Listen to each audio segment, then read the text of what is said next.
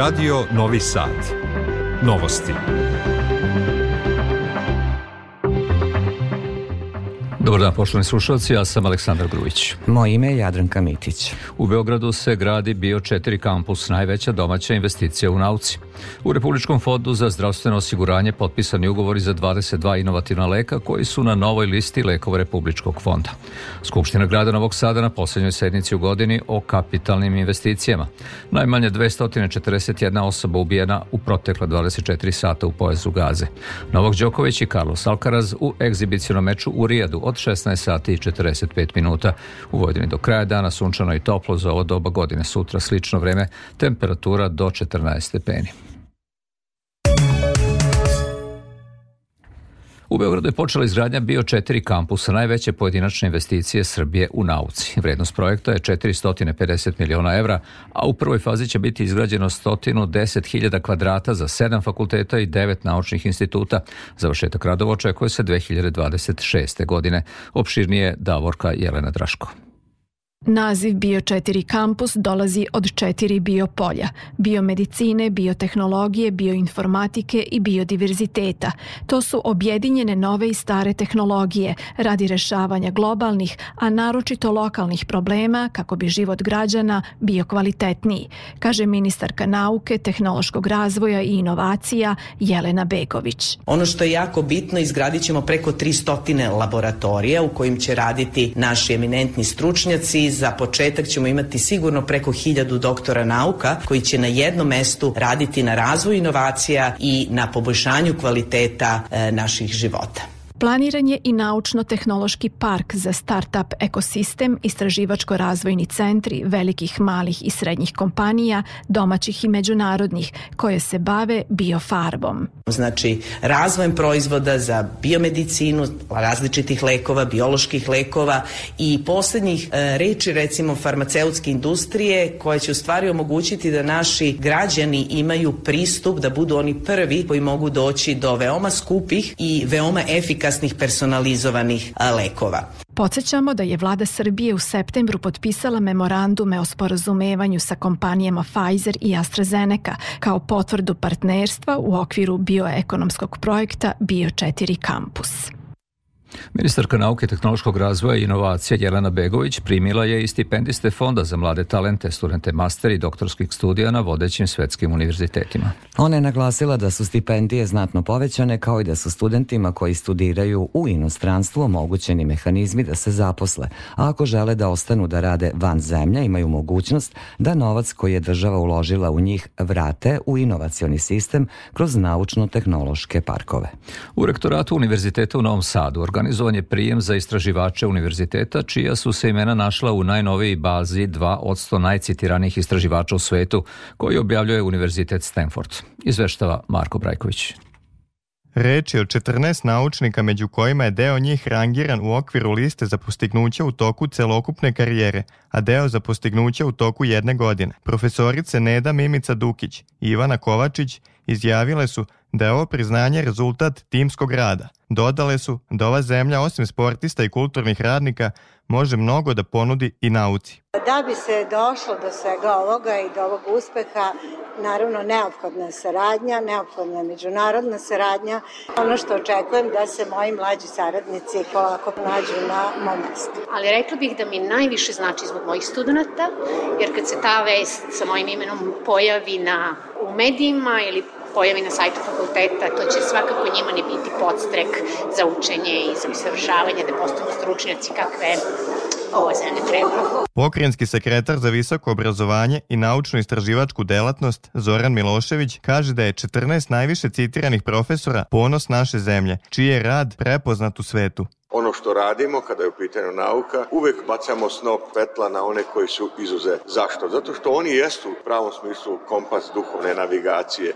Zapravo stanje duha jeste da težite vrhunskim dometima. Jednostavno kao društvo shvatili smo da pojam naučne izuzetnosti vezan je i za našu kompatibilnost u odnosu na svet, ali i ono što ćemo mi menjati narednih godina. Baza podataka o najboljim svetskim istraživačima na osnovu koje su formirane dve liste 2% najcitiranih istraživača u svetu obuhvata standardizovane podatke o citiranosti prilagođenim indeksima prema koautorstvu i citiranosti prema različitim autorskim pozicijama. Kancelarija za IT je upravo i Pravni fakultet Univerziteta u Novom Sadu potpisali su sporazum o međusobnoj saradnji koji će studentima tog fakulteta omogućiti da se preko naloga sa portala za elektronsku identifikaciju, odnosno mobilnom aplikacijom Concept ID uloguju na aplikaciju e-indeks. Ministar informisanja i telekomunikacija Mihajlo Jovanović je nakon potpisivanja kazao da je Pravni fakultet u Novom Sadu prva visokoškolska ustanova u Srbiji koja će potpisati početi da koristi aplikacije i infrastrukturu elektronske uprave. Dekan Pravnog fakulteta Tatjana Bugarski naglasila je da je taj fakultet prepoznao značaj digitalizacije i primenu novih tehnologija. Digitalizacija rada fakulteta na prvom mestu službe za nastavu omogućava jednu efikasnu i efektivnu komunikaciju sa studentima. Sporazum koji smo danas potpisali omogućit će pravnom fakultetu korišćenje usluga pouzdane autentifikacije korisnika radi bezbednog pristupa studentskim i nastavničkim servisima. U Republičkom fondu za zdravstveno osiguranje u Beogradu potpisani su ugovori za 22 inovativna leka koji su na novoj listi lekova Republičkog fonda. Vede direktora fonda Sanja Radojević Škodrić izjavila je na ceremoniji održanoj tim povodom da je zahvaljujući višestrukom povećanju budžeta i proširenju liste inovativnih lekova u posljednjih šest godina povećana i dostupnost inovativnih terapija. U tih šest godina uh, ukupno je na listu lekova stavljeno 96 inovativnih lekova. Poređenja radi koliko je to u periodu od 2007. Um, do 2015. stavljena je, stavljeno je ukupno 21 inovativni lek, a u ovih šest godina od 2017. čak 96, kao što sam rekla. U obimnom dnevnom redu poslednje sednice Skupštine grada Novog Sada u ovoj godini teme su uglavnom kapitalne investicije, planirane iz budžeta za 2024. koji je usvojen na prethodnoj sednici. Pojedinosti Marija Maleš. Budžet grada Novog Sada za 2024. godinu iznosi 42 milijarde 787 miliona dinara, podsjetio je zamenik gradonačelnika Igor Crnobarac. Istako je da će udeo kapitalne potrošnje biti jedna trećina budžeta, odnosno 12 milijardi 516 hiljada dinara i naveo neka od planiranih ulaganja za investicije poput izvođenja radova na sanaciji granulisanog aktivnog uglja na Kipenskim poljima, u dograđenom postrojenju za preradu vode Štrang u vrednosti od 175 miliona dinara, izvođenje radova na rekonstrukciji i izgradnji vodovodne mreže u naselju Sadovi u Petroradinu u vrednosti od 100 miliona dinara, izvođenje radova na izgradnji magistralnog vodovoda u ulici Dragoslava Srejovića u vrednosti od 90 miliona dinara, kao i izgradnja vodovodne mreže u naselju Čenek u vrednosti od 30 miliona dinara. Crnobarac je dodao da je grad u budžetu za 2024. godinu obezbedio i novac za izmeštanje vrelovoda za izgradnju pešačko-biciklističkog mosta u vrednosti od 170 miliona dinara. Crnobarac je najavio i organizaciju spektakularnog dočeka nove godine i pravoslavne nove godine i podsjetio da vatrometa u Novom Sadu za ovaj doček neće biti. Nakon teške godine za agrar, usled nepovoljnih agroekoloških i tržišnih prilika, mladi poljoprivrednici očekuju veću podršku države. Tvrde da nadležni posebno treba da se pozabave nepredvidivim tržištem koji umanjuje zaradu. O tome Stevan Davidović. Poljoprivredna proizvodnja je teško predvidiva zbog sve intenzivnijih klimatskih promena. Međutim, pred proizvođačima su i sve veći izazovi koji nameću niske cene na tržištu – Zato uz podršku države za povećanje prinosa, akcena treba staviti na podršku kod plasmana proizvoda, upozorava mladi poljoprivrednik iz Deronja Sava Kompalić.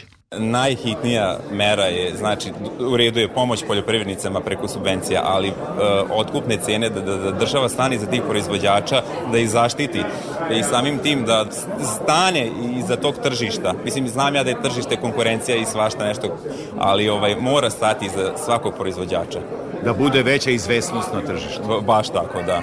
I slobodna trgovina, naravno. Opširni o tome šta mladi poljoprivrednici poručuju nadležnima, ali i sa kakvim se izazovima susreću, možete slušati u emisiji Agroargumenti, koji su na programu nakon 16 časova i 10 minuta.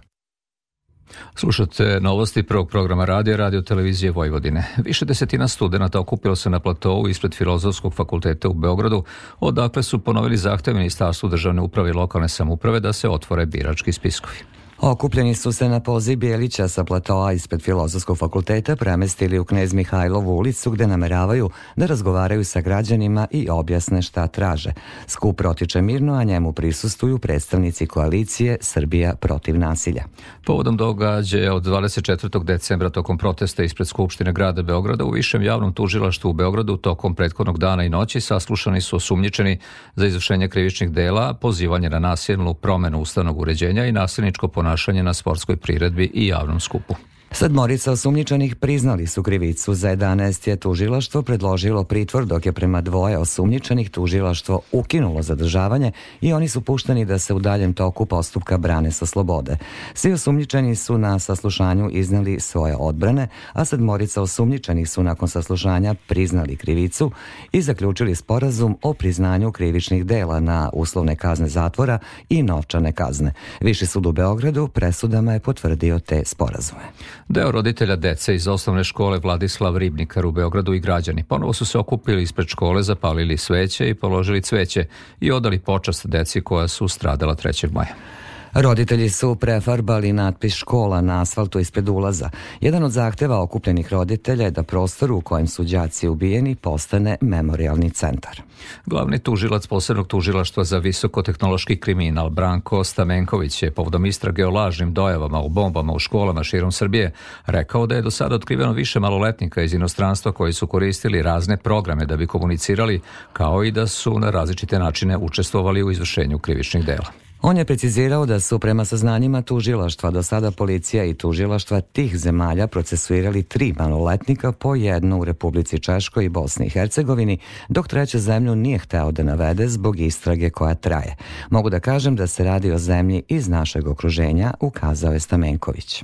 Unija Roma Srbije najoštrije osudila brutalni napad na doktora Branka Kajtazija i njegove maloletne sinove u osnovnoj školi Branislav Nušić na Voždovcu i pozvala nadležne da hitno istraže taj incident i privedu pravdi odgovorne za napad. Specijalistu neurologa Branka Kajtazija i njegove sinove stare 13 i 15 godina pretukla su juče dvojica mladića.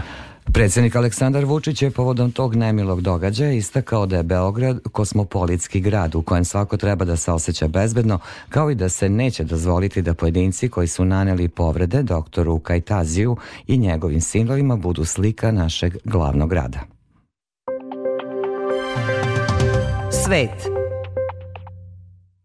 Najmanje 241 osoba ubijena je u proteklih 24 sata u pojasu Gaze, a više od 380 je povređeno, dok je šest palestinaca poginulo rano jutros na severu okupirane zapadne obale, saopštilo je Ministarstvo zdravlja Gaze, koje vodi Hamas i Palestinsko ministarstvo zdravlja na zapadnoj obali. Prema ministarstvu u Gazi, više od 20.900 palestinaca je ubijeno, uglavnom deca i žene, za više od 11 nedelja borbe u pojasu Gaze. Najmanje tri osobe su poginula, jedna je ranjena u novom izraelskom napadu na položaje Hezbolaha na jugu Libana, izvestili su libanski mediji. Hezbolah je preuzeo odgovornost za napad sa najmanje 18 raketa na izraelsku oblast Roš Hanikra, tvrdeći da su gađali izraelsku vojnu poziciju u blizini mornaričke baze u toj oblasti. Ruske snage bezbednosti saopštile su da su sprečile teroristički napad na prugu u Samarskoj oblasti i uhapsile pripadnika organizacije nazva severna sloboda Rusije za koje Moskva navodi da je proukrajinska.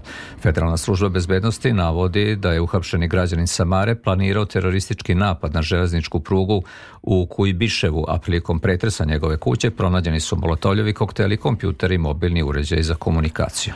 Jedna osoba je poginula u ruskom napadu dronom na Odesku oblast, a još četiri osobe su ranjene, među kojima i šestogodišnje dete, saopštilo je Ministarstvo unutrašnjih poslova Ukrajine. Ukrajinske vazduhoplovne i protivazdušne snage saopštile su da su oborena 32 od 46 dronova iranske proizvodnje koje je lansirala Rusija. Trenažni avion grčkih vazduhoplovnih snaga srušio se u blizini aerodroma u gradu Kalamata na Peloponezu. Za sada nije poznato šta se dogodilo sa pilotom potom, prema pojedinim izveštajima, avion se srušio tokom poletanja, a pre pada odjeknula je eksplozija. Broj poginulih u požaru, koji je juče izbio u pansionu u okrugu, okrugu Prahova u Rumuniji, povećao se na sedam, a jedna osoba se vodi kao nestala, saopštio je generalni inspektorat te zemlje za vanredne situacije. Istraga o uzroku požara je u toku. Tužilaštvo suda u Prahovu otvorilo je krivični postupak zbog ubistva iz nehata i nanošenja štete. Bivši ministar financija Nemačke i predsednik Bundestaga Wolfgang Schäuble preminuo je u 82. godini nakon duge i teške bolesti. Šojble, koji je važio za jednog od najistaknutijih članova Nemačke hrišćansko-demokratske unije, upamćen je po učešću u pregovorima o ponovnom ujedinjenju Nemačke 1990. godine, a kao ministar financija bio je centralna figura u naporima štednje da se Evropa izvuče iz dužničke krize više od dve decenije kasnije. Bio je član Budenstaga više od 50 godina, a vezan za invalidska kolica nakon što je ostao paralizovan u atentatu 1990. godine godine na predizbornom mitingu neposredno nakon ponovnog ujedinjenja Nemačke. Sport. Dvojica najboljih tenisera sveta Novak Đoković i Carlos Alcaraz odigraće egzibicioni meč u Rijadu u Saudijskoj Arabiji. Meč počinje u 16 sati i 45 minuta. Odbojkaši Vojvodine od 19 sati na Spensu dočekuju Partizan u revanš meču polufinala Kupa Srbije. Novosađani su prethodno slavili u Beogradu sa 3-2. Drugog dana Košarkaškog sabora u Zvorniku najbolje košarkašice Prve lige Srbije od 16 sati sastaće se sa ekipom Republike Srpske, dok će dva sata kasnije od 18 sati to isto učiniti i njihove kolege u muškoj konkurenciji. U Sportskom savezu Vojvodine održan je sastanak na kom je glavna tema bilo finansiranje po pokrajinskog sporta u narednoj godini kao i aktivnosti koje slede. Pojedinosti Kamenko Papić.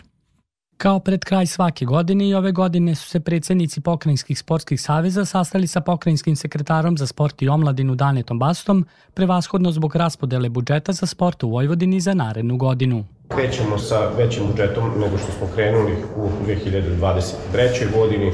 Povećanje je znatno, tako da nekih 80 miliona imamo više koje smo izdvojili uglavnom za naš najveći, naj, naš najveći konkurs doprinos razvoju sporta i za konkurs za infrastrukturu, unapređenje sportske infrastrukture na teritoriji cele autonomne pokrajine. Budžet za 2023. godinu bio je 102 miliona dinara, a za 2024. biće 80 miliona veći. Pokrajinski sekretarijat u dva navrata ove godine finansirao je i obnove igrališta i sportskih hala, a slični konkursi biće raspisani u narednoj godini radi održavanja infrastrukture.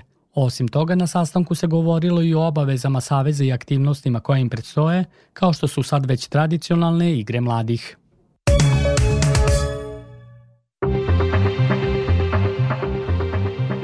I pred kraj novosti još jednom najvažnije iz emisije. U Beogradu se gradi bio četiri kampus, najveća domaća investicija u nauci. U Republičkom fondu za zdravstveno osiguranje potpisani ugovori za 22 inovativna leka koji su na novoj listi lekova Republičkog fonda. Skupština grada Novog Sada na poslednjoj sednici u godini o kapitalnim investicijama. Najmanje 241 osoba ubijena u protekla 24 sata u pojasu gase. Novog Đoković i Carlos Alcaraz u egzibicionom meču u Rijadu od 16 sati i 45 minuta. I u vremenu. Premeranjem u 15 časova temperatura u Novom Sadu je 11 stepeni, vlažnost vazduha 54%, a pritisak 1017 milibara, vetar jugoistočni do 3 metra u sekundi. U Vojvodini do kraja dana sunčano i toplo za ovo doba godine. Da čujemo kako nas vreme očekuje. U Vojvodini u četvrtak ujutru ponegde slab mraz i lokalna pojava magle. Tokom dana pretežno sunčano, vetar slab promenljiv, posle podne i uveče slab do umeren jugoistočni. Najniža temperatura od minus 1 do 2, a najviše od 11 do 13 stepeni. Za Radio Novi Sad, meteorolog Miodrag Stojanović.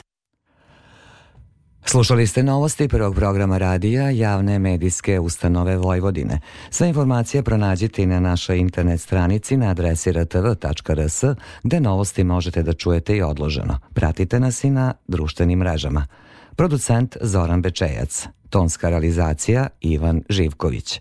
Aleksandar Grujić i Jadranka Mitić žele vam prijatan ostatak dana. Ostanite uz Radio Novi Sad u 15 časova i 30 minuta je Radio Sport, a nakon vesti u 16 časova emisija o aktuelnostima u proizvodnji hrane Agro Argumenti, koju priprema Stevan Davidović.